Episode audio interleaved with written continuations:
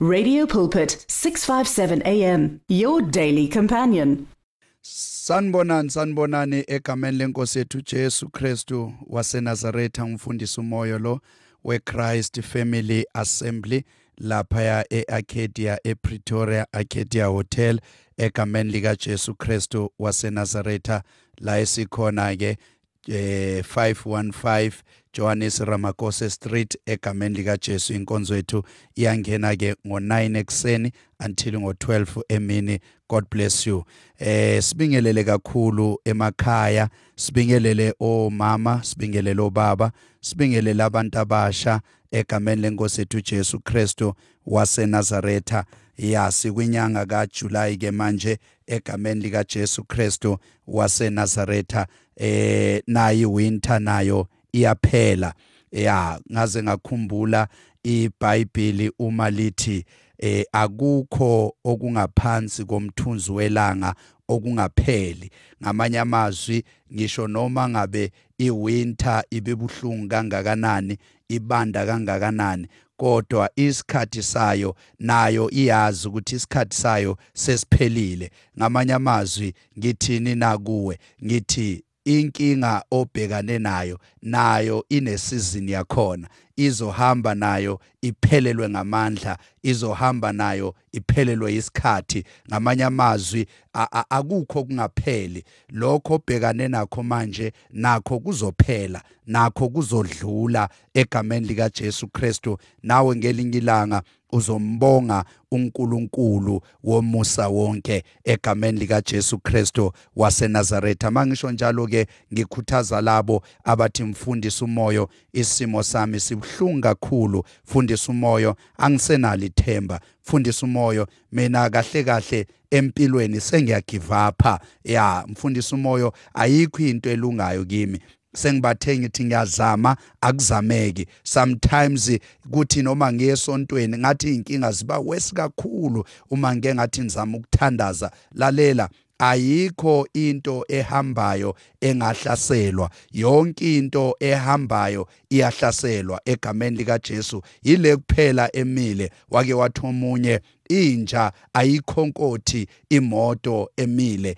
Kodwa inja ikhonkotha imoto ehambayo. So ngabanye amazwi mawuhlasela kanje mawuhlaselwa empilweni yakho kusho khona ukuthi kukhona la uyakhona empilweni yakho. God bless you egameni lika Jesu ungazibulali mntana sekhaya uNkulunkulu ukhona egameni lika Jesu ake singeneke ezwini likaNkulunkulu. Egameni lika Jesu Kristu waseNazaretha namhlanje ntambama sesilala.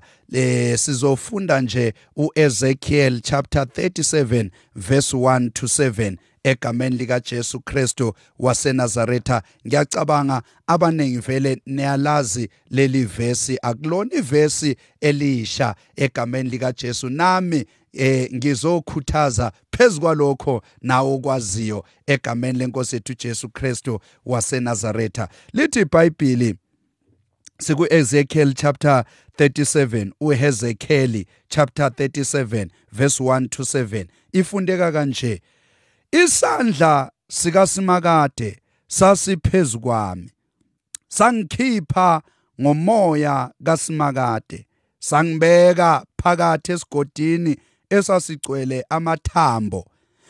Wangidlulisa kuwo ngawuzungeza bheka impela ayemaningi ngokwedlulele kuso isigodi futhi ayome kakhulu.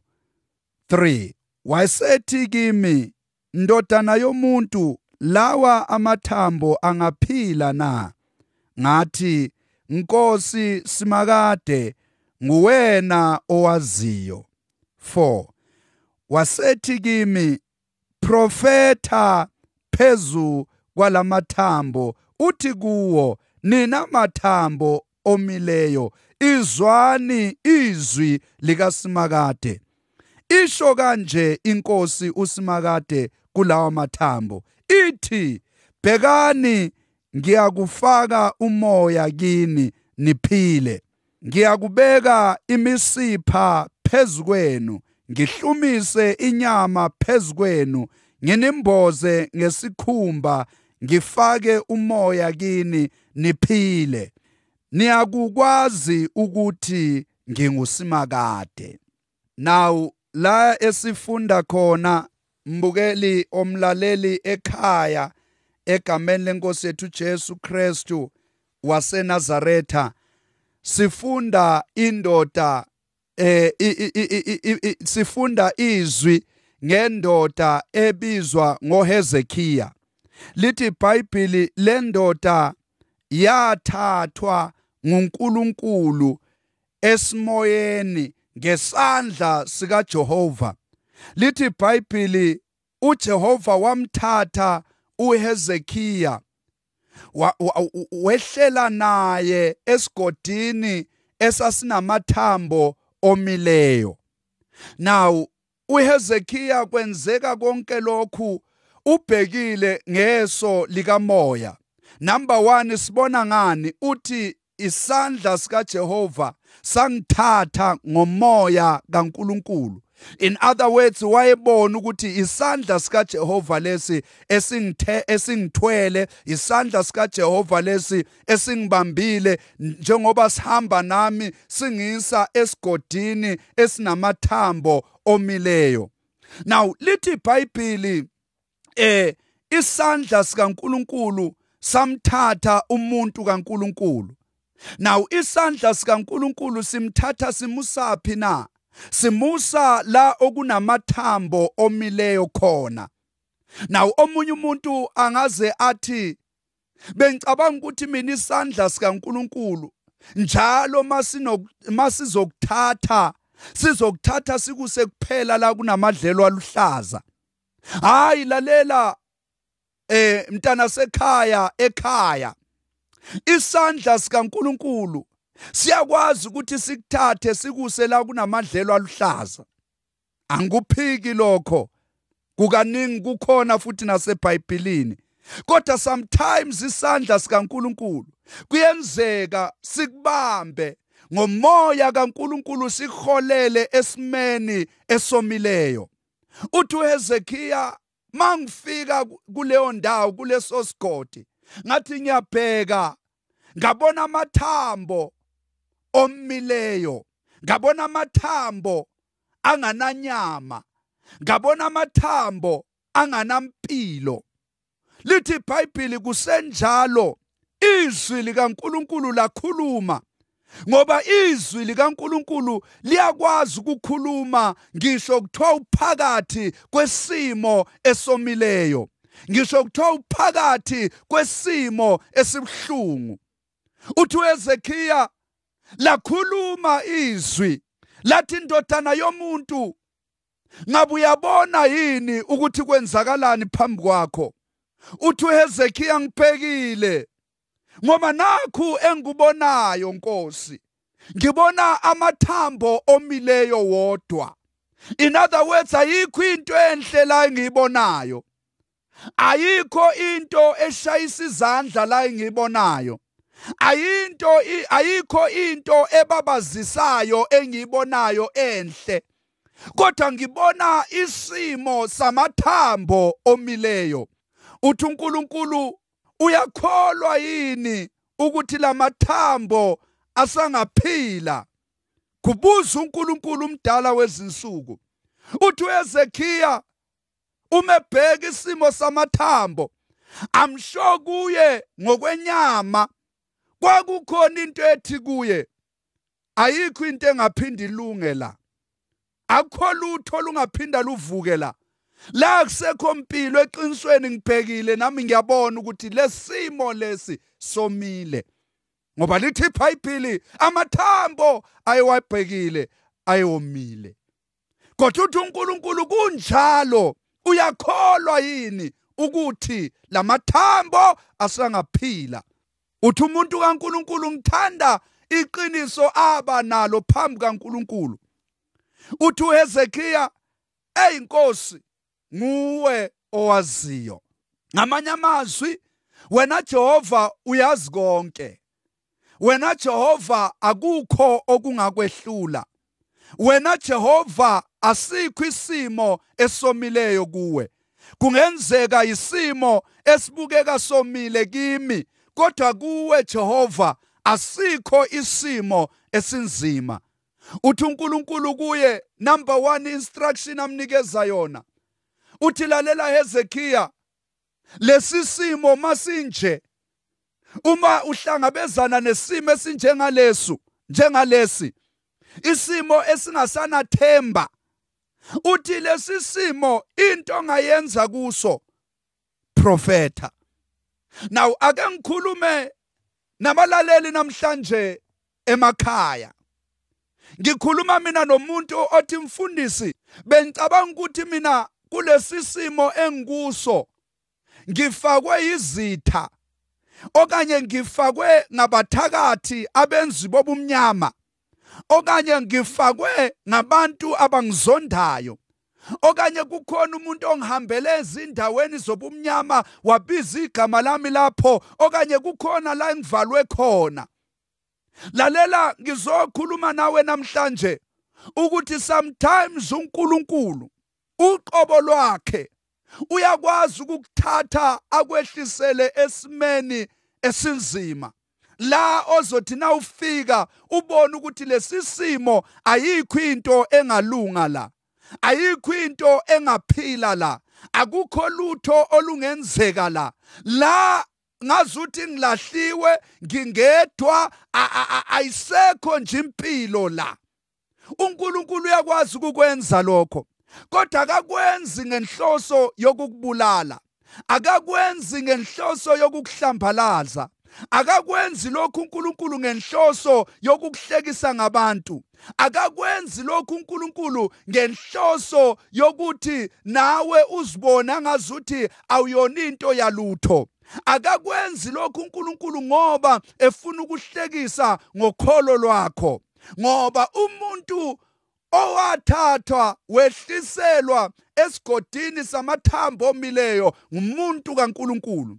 Umuntu othandwa uNkulunkulu umuntu owayethandaza umuntu owayephilela uJehova. Ngikhuluma mina ngoHezekiya uthathwa isandla sikaNkulunkulu ngomoya kaNkulunkulu. Umusaphi awumuse emadlelweni aluhlaza kodwa umusa la okuneyinkinga khona umusa la okunganathemba khona umusa la okunga okungasenampilo khona. Kodwa khona umbuzo uNkulunkulu awubuzayo uthi uyakholwa yini ukuthi lamathambo asangaphila lesisimo sisangashintsha? Into engiyithanda ngoNkulunkulu akakubuzi umbuzo enganayo impendulo futhi akakubuzi umbuzo uNkulunkulu enganayo isolution okunye futhi uNkulunkulu akakwehliseli esimeni esinzima engazi ukuthi uzokhipha kanjani. uNkulunkulu akakwehliseli esimeni esibhlungu engazi ukuthi yena uzokhipha kanjani. No uNkulunkulu uma ezokwehlisela esimeni esinjengaleso usuku uNkulunkulu esekuthemba usuku uNkulunkulu esehambe nawe isikhathi eside usuku uNkulunkulu esesazi ukuthi uyabona lo nguyena engamethemba ngokumehlisela esimeni sabantu esinamathambo omileyo. Ngoba nawufunda izwi uyaphambili usuyabona ukuthi lamathambo omileyo kahle kahle kwakunguIsrayeli kwakuyisimo sabantwana bakaIsrayeli. uIsrayeli wayengasenalo ithemba uIsrayeli kwasekuqediwe ngaye. uIsrayeli kwakunga wayengasena voice. uIsrayeli wayengasena sithunzi. uIsrayeli wayengasesengumuntu ebantwini. Uma ngikhuluma ngoIsrayeli ngikhuluma ngesizwe sikaNkuluNkulu esikhethekile.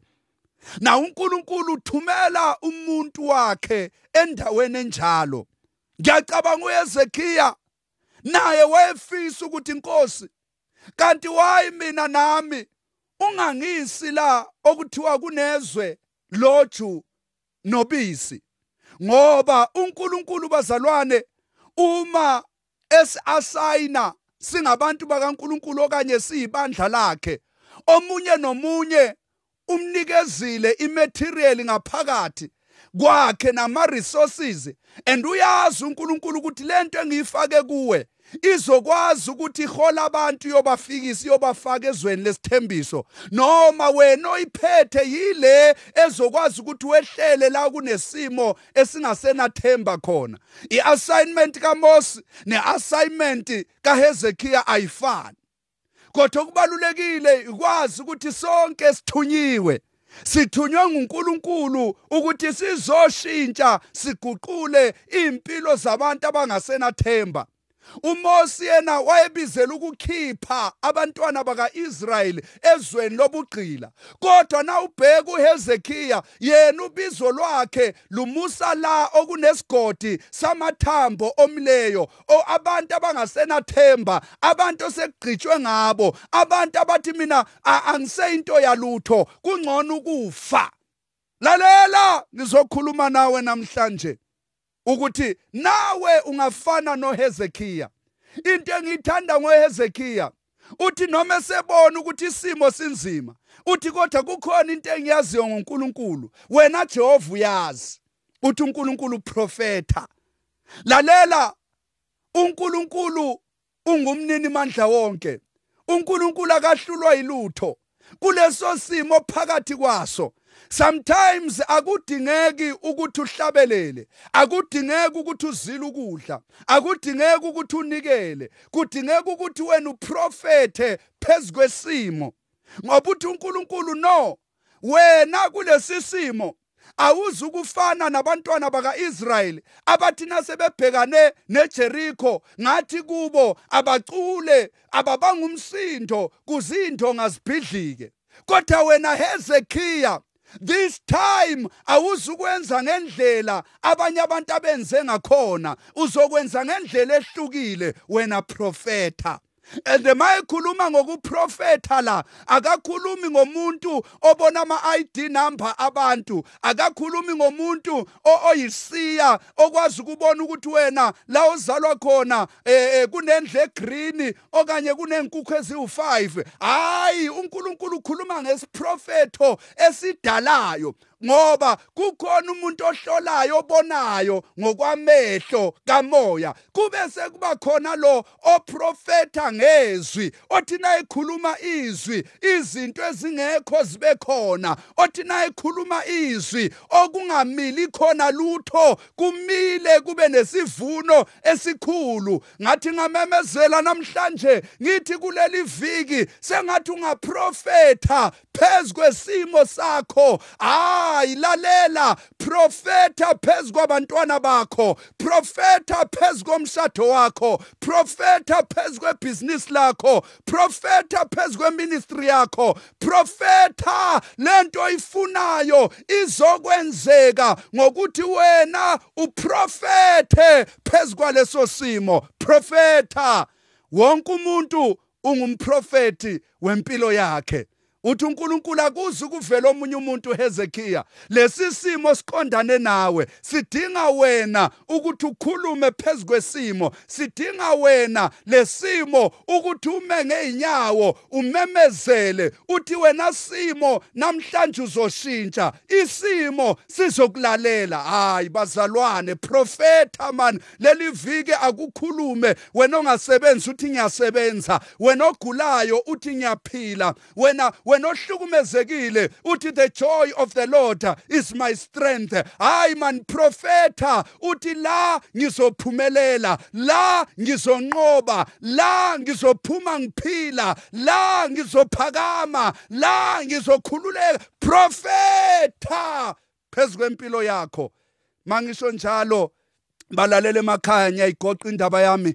Asiphinde sihlangane futhi next week on saturday.